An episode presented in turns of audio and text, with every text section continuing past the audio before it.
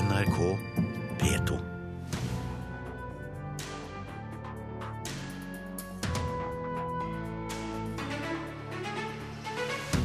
Artister må slutte å klage på at de tjener for dårlig på å strømme musikken sin. Det mener sangeren i Foo Fighters Dave Grohl, og ber kolleger komme seg ut og spille for folk.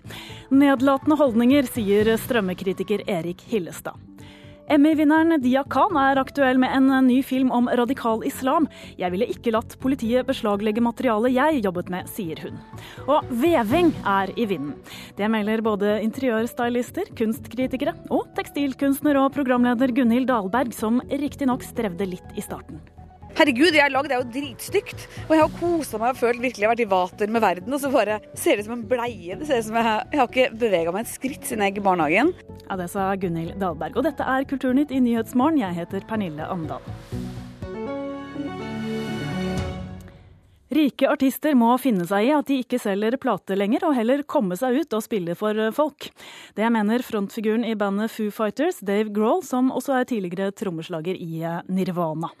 Han har ikke mye til overs for artister som mener at strømmetjenester som Spotify og Tidal er ødeleggende for musikkbransjen.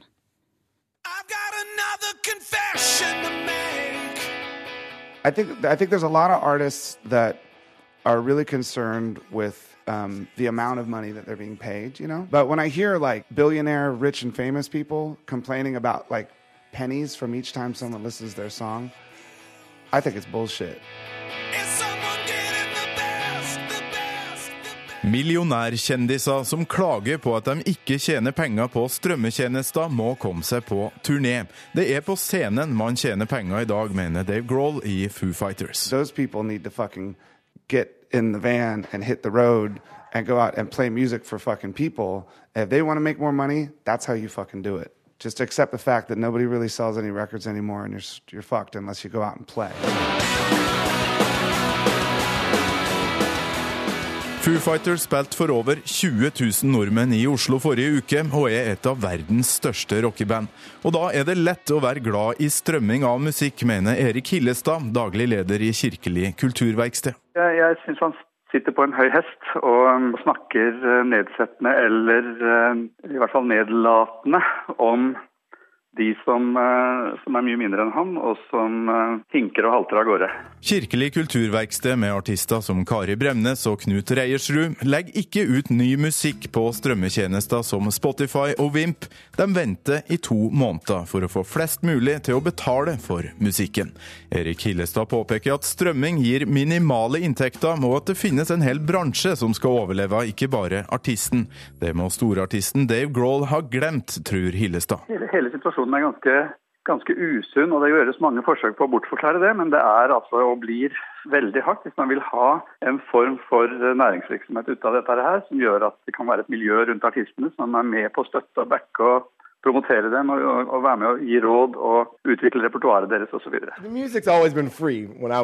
Gitarist i Foo Fighters Pat Smear påpeker at musikk på sett og vis alltid har vært gratis. If you wanted the packaging and stuff like that, you could go out and buy the record. But the music itself was free because we had it. Plus, we just stole all. What was that thing called? Radio. We had a thing. Remember that? Men å sammenligne Spotify med radio blir historieløst, sier Erik Hillestad, for tidligere har platesalget holdt liv i den bransjen som fora radiostasjonene med hits. Vi er i et vakuum. Vi har ikke den livskraftige musikkbransjen i bånn. Nå, nå lever folk av helt andre ting, og så gjør de dette nærmest for fritiden og blir på en måte i den forstand amatører innenfor det feltet de, de holder på med. I can understand it when it's like sort of like a, a, a, smaller, struggling underground artist. Like they, they need to be supported because they need to be able to go out and do what we can do, to go out and tour and stuff like that, you know. En noe forståelsesfull Dave Grohl der til slutt, sammen med låten Best of You. Reportere her det var Torkil Thorsvik og Daniel Eriksen. Dave Grohl og Erik Hillestad fra Kirkelig kulturverksted er altså uenige om hvorvidt artister må satse på turneer og konserter, eller om de kan overleve på det fysiske formatet. Daniel Norgård fra Agderforskning, du har forsket på internasjonal musikkbransje og endringer i kjølvannet av digitaliseringen. Hvem har mest rett, vil du si? Er det Dave Grohl i Foo Fighters, eller er det Erik Hillestad? Jeg tror begge to har, har litt rett. Eh, begge, begge, parter representerer egentlig to, to, ytterpunkter i en debatt rundt eh, endringene i musikkbransjen. Og det er klart, eh, Dave Grohl har helt rett når han peker på at det, det finnes masse penger i, i live. og Erik Hillestad har helt rett når han peker på at det er vanskelig for, for en brorpart av aktørene i strømmarkedet. Men kan noen faktisk overleve som artister uten å, å strømme musikken sin? Nei, altså jeg, jeg, jeg, tror nok at eh, altså Strømming blir nok hovedformatet i all, all overskuelig fremtid. sånn at uh, Hvis man ønsker å, å, å, få frem musikken sin, så, så vil nok strømme være uh, hovedplattformen. På, den, på den annen side så har jo Hillestad Jeg vil tro at Hillestad kjenner publikummet sitt veldig godt. så Jeg tror at han har en, en rekke alternative salgskanaler som gjør at han fremdeles har en viss inntekt på, på fysisk, som gjør at han fremdeles vil ha vinduer som gjør at han kan hente ut penger derifra. Når, når det gjelder eh, papiravisen, så, så, er jo den spådd uh, død eh, allerede om fem år, sier de som er mest pessimistiske i hvert fall. Hva, hva slags spådommer har du for det fysiske musikkformatet? Jeg tror fysisk musikk alltid kommer til å være altså, jeg tror det er, veldig mange som er veldig opptatt av å spå døden til, til, forskjellige formater og forskjellige uh, aktører. Uh, jeg, tror, jeg, tror, fysisk alltid kommer til å være til stede, og det er jo vinyl et godt eksempel på. Uh, det kommer ikke til å være noen hovedformater, det kommer sikkert ikke til å utgjøre en stor inntektskilde. Men publikum er forskjellige. markedene internasjonalt er veldig forskjellige. Vi har store markeder som, som fremdeles har brorparten innenfor fysisk. så det, det kommer nok alltid til å være noe. Nå har jo Spotify vært uh, nesten enerådende uh, innenfor uh, digitalmusikken. Det siste halvåret så har de fått konkurranse både av Tidal og nå sist Apple. Hva kan det gjøre med vilkårene og mulighetene for inntjening for artistene? Blir det bedre eller blir det dårligere? Jeg tror det blir mye bedre. Uh, og jeg tror gitt at man ikke begynner å kjempe på pris uh, fra publikum, uh, så tror jeg dette blir mye bedre. Der er jo musikkbransjen en, viktig aktør, at de holder igjen på dette. Så tror jeg at publikum er veldig tjent på at, at vi får flere aktører som tilbyr bedre og bedre, bedre, bedre, tilbud med flere og flere forskjellige innhold. Og så tror jeg at det òg vil komme frem bedre forhandlinger. og bedre modeller som vil komme artistene til gode. Men kan det bli både billigere for oss som hører på, og, og mer inntjening for de som spiller? Er det mulig? Det skal, altså, det skal, vanskelig gjøres. Eh, det er jo snakk om penger inn og penger ut. Så det er jo et eh, ganske sånn elementært uh, regnestykke. Uh, det var jo en stund man Det var forventning om at gratis skulle, skulle redde uh, musikkbransjen. Altså reklamefinansiert gratis konsum av innspilt musikk. Det har jo ikke fungert optimalt, så jeg tror det må, det må penger inn, helt klart. Vi står foran en konsertsommer, Daniel Norgård. Hvor viktig blir den for artistene? Konsertsomrene har alltid vært veldig viktig for alle artister. Alltid. Uh, han har blitt uh, viktigere for veldig mange fordi at man har mista inntektene innenfor for innspilt. Uh, for noen så er han alt, spesielt innenfor markeder hvor man ikke har fått ordentlig grep på digitalt. Takk skal du ha, Daniel Norgård fra Agderforskning. Bibliotekforeningen vil låne ut bøker til folk uten ID-papirer. Det skriver Klassekampen i dag. Får foreningen det som den ønsker, så kan asylsøkere, romfolk og andre som kanskje ikke har eh, papirene helt i orden, snart få låne bøker fra folkebibliotekene. Og I utgangspunktet har de ikke lov til det i dag. I Oslo er eh, denne ordningen allerede i gang. Så litt eh, Beethoven. Joyful, joyful Lord, we adore thee. God of glory, Lord. Dette er en eh, utbrodert versjon av slutten av Beethovens 9. symfoni, også kjent som Europahymnen. Slik så ble den eh, fremført da brud og brudgom gikk ut av kirken under det svenske kongebryllupet i helgen. Og denne musikken den vekket sterke reaksjoner i sosiale medier, det melder nå Sveriges Radio. Det handler både om hva man får gjøre med Beethovens musikk, og hvem som egentlig har laget arrangementet. Det konstaterer Berit Nygren i Svensk Kulturnytt. Vi tar også med oss at eh, mediehuset Aller lanserer Netflix for magasiner. Det melder eh, Danmarks Radio. Streamingtjenesten som de kaller Pling, den gir leserne mulighet til å lese alle de magasinene man måtte ønske for et fast beløp i måneden. Aller Media forteller til kanalen at de har store forventninger til den nye tjenesten.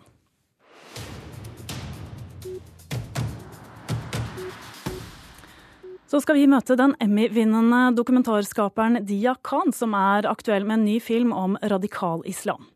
Kollega Ulrik Imtias Rolfsen jobbet med det samme temaet da han fikk besøk av politiet i forrige uke. Og PST de beslagla hans filmopptak. Det overrasket Khan, som hadde premiere på sin film i går. Av det lille jeg har fått med meg, er jeg ikke enig med måten eh, de har eh, gått frem på her. Regissør Dia Khan bor for tiden i London og har derfor ikke fulgt saken rundt PSTs beslag hos Ulrik Imtias Rolfsen i detalj. Men det er ikke første gang hun hører om slike saker. Altså, jeg har en, eh, en, venn av meg som er en annen filmskaper her i England. Eh, Penny Woolcock heter hun. og Hun lagde en film for noen år siden om eh, gjengmiljøer i Birmingham. Og Hun ble jo kontaktet av politiet, og de ville ha alt materialet hennes. Og hun nektet.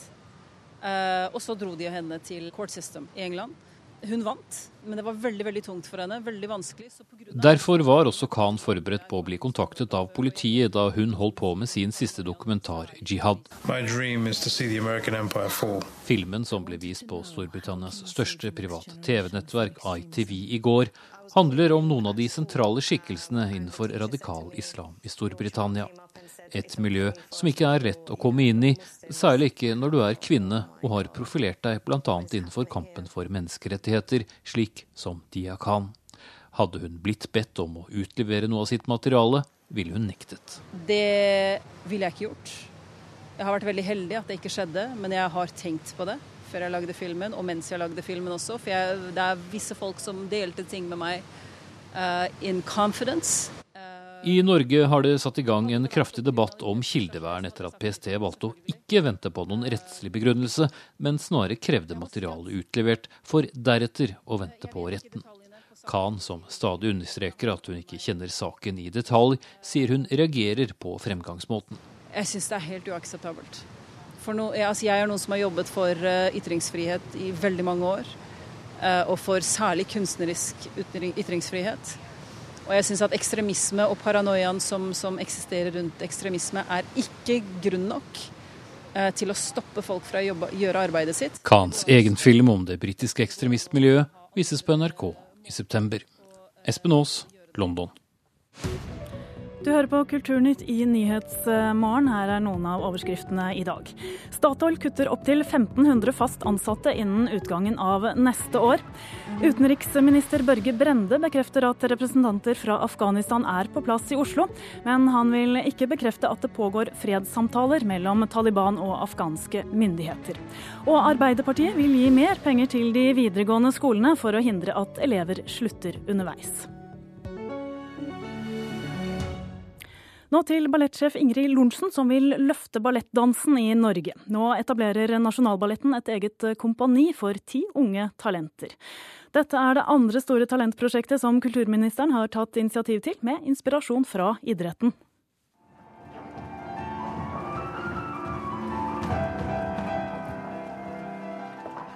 Føttene til Nasjonalballetten flyter over parketten. To av disse tilhører 20 år gamle Sofia Kjønneberg.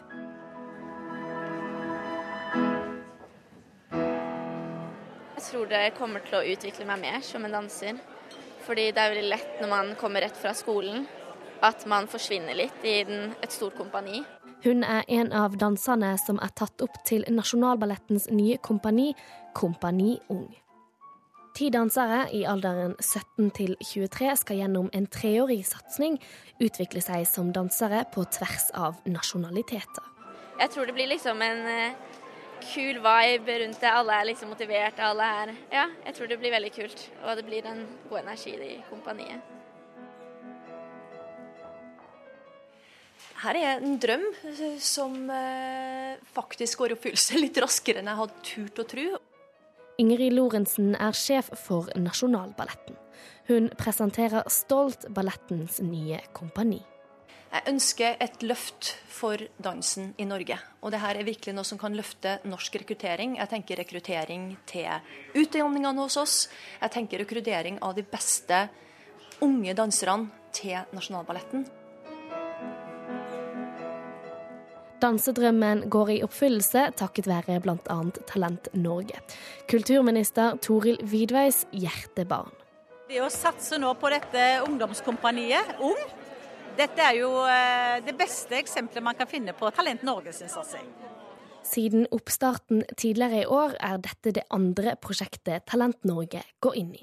Tiltaket er inspirert av idretten og skal løfte fram unge talenter innen kulturfeltet. Sånn som vi har lært fra toppidretten, som jeg har sagt mange ganger før. Toppidretten trenger bredden å rekruttere fra, og bredden trenger faktisk toppidretten å se fram mot. For å få støtte måtte kompaniet også skaffe seg sponsorer. Ballettsjef Lorentzen innrømmer at sponsorjakten ikke bare har vært en dans på roser. Selve grunnideen med Talent Norge er jo også at det skal matches med private midler. Og Det fikk vi ganske streng beskjed om, at vi også måtte bidra sterkt sjøl til å skaffe de til veie, da, de private. Så jeg hadde litt sånn hjerte i halsen for det, men det har jo, nå har det fått en utrolig lykkelig eh, et lykkelig resultat da, med at vi nå er sikra denne drifta i tre år. Fra august skal det nye kompaniet danse seg inn i historien.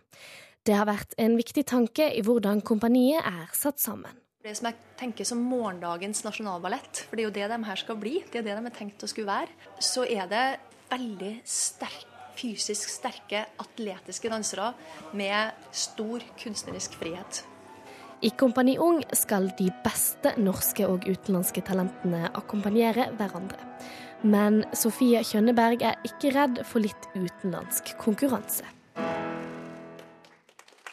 Eh, jeg tror det er lurt og at det er viktig da, at det ikke bare er fra de norske, for vi trenger også litt konkurranse i et sånt kompani. At man har noen å strekke seg etter. Og jeg tror det er bra, jeg. Ja. Mm. Dette innslaget var laget av Marie Røsland og Guro Kvalnes. Nå til noe helt annet. Sterke krefter mener at veving igjen er i vinden. I helgen åpnet både Nasjonalmuseet og Stavanger kunstmuseum hver sin store vevutstilling. Samtidig er veving blitt supertrendy å ha på stueveggen. Tekstilkunstner og programleder Gunhild Dahlberg mener at flere burde prøve å veve. Jeg hadde, Før jeg begynte på Kunsthøgskolen, så hadde jeg sånn, tenkte vev, herregud, det er sånn kvinnekunst eh, fra 70-tallet som er sånn hemp og tung politikk og hår, hårete kropper, og det er så utrolig sånn vaginakunst. Det sier tekstilkunstner og programleder Gunhild Dahlberg til lyden av en digital vevemaskin. Da jeg begynte på skolen også, så ble jeg introdusert for eh, annen type vevkunst, bl.a. av Hanna Ryggen. Og da tenkte jeg å herregud, dette her er jo helt fantastisk eh, kunst. Og nettopp Hanna Ryggen pryder i disse dager veggene i Nasjonalmuseet og gjenspeiler den fornyede interessen for vevekunsten, forteller kunstkritiker i Dagens Næringsliv Kåre Buli. Særlig Hanna Ryggen, som vi har teppene til rundt oss her nå, har eh, vært gjenstand for en veldig ny, eh, sterk ny, ny eh, interesse de siste la oss si, fem årene. Hun har vært viktig i en rekke utstillinger i Norge. Så dette er på en måte kulminasjonen av den interessen. Det er helt, helt klart en tydelig tendens i, i det norske kunstfeltet. Og det var nok til lyden av den gamle veven som vi her hører, at Hanna Ryggen arbeider med å veve sine samfunnsengasjerte tepper fra 1930-40-åra. Men å veve, det er virkelig ikke lett, forteller Gunhild Dahlberg. Det er så innmari vanskelig å få det bra. Man, og man har det egentlig ganske deilig også når man vever, men når man liksom kommer ut av tilstanden, så bare Herregud, jeg har lagd det er jo dritstygt. Og jeg har kosa meg og følt virkelig jeg har vært i vater med verden. Og så bare ser det ut som en bleie. Det ser ut som jeg, jeg har ikke bevega meg et skritt siden jeg gikk i barnehagen. Så det er en veldig sånn tilsynelatende veldig simpel teknikk som selv barn kan gjøre. Men uh, for å beherske det, så er det utrolig vanskelig. Veving er helt dødt når det henger på et galleri, når det henger på en vegg. Veving kan aldri bli en 9-4-jobb. Å veve er å leve. Og lite visste altså gjengen i Lille Lørdag for snart 20 år siden, at veving igjen virkelig skulle bli trendy, noen ting interiørstylist Kristine Herra kan bekrefte. Vevekunsten har blitt trendy igjen, absolutt. Det ser vi, og det er eh, ofte i form av denne lille billedveven som henger på veggen. Men fargene har endret seg. Den gangen var det veldig mye lilla. Nå er det litt freshere. Mye natur, altså tilnærmet litt hvitt i bunn, og så ofte med sterkere, fine farger ved siden av. Da. Det er likevel ikke til å komme unna at veving ikke har vært gjenstand for den mest prestisjefylte delen av billedkunsten frem til nå. Men det kan ha sin forklaring, ifølge Kåre Bulli. Det mest åpenbare er vel at den har hatt så sterk, en så sterk sånn kjønnsdimensjon knytta til noe man har tenkt at kvinner har drevet med. Og det har jo også vært sterkt knytta til en idé om håndverk og mindre om hva skal vi si, den høye kunsten. Eh, og vi lever jo i en tid der sånne eh, skiller er i veldig sterk eh, bevegelse. Og, og Hanna Ryggen har helt åpenbart fått eh, rettmessig oppmerksomhet både som en viktig kunstner, hva nå det måtte være, og, og som en, eh, en utøver som lager ting helt uavhengig av kjønn som er veldig interessante. Så da gjenstår det å se om kunstner og programleder Gunhild Dahlberg vil leve med veven. Å herregud. Ja, vi tuller veldig mye med det på skolen, å veve og leve, men uh, jeg syns flere burde veve i hvert fall. Og prøve det. Men samtidig så blir man veldig sint av det, for det er veldig vanskelig, så det er ikke så lett å få til. Ja, akkurat sånn som livet. Det er gøy å leve, men det er, fy fader, det er hardt arbeid òg. Og det sa Gunhild Dahlberg. Det var Tove Kampestuen Heierdal som hadde laget dette innslaget om veving. I Kulturnyhetene i dag fikk vi også høre at Foo Fighters Dave Grohl mener at artister som klager over at de tjener for dårlig på å strømme, må ut og spille for folk. Ann Irén Finstad var produsent i dag. Jeg heter Pernille Amdal. Nå fortsetter Nyhetsmorgen.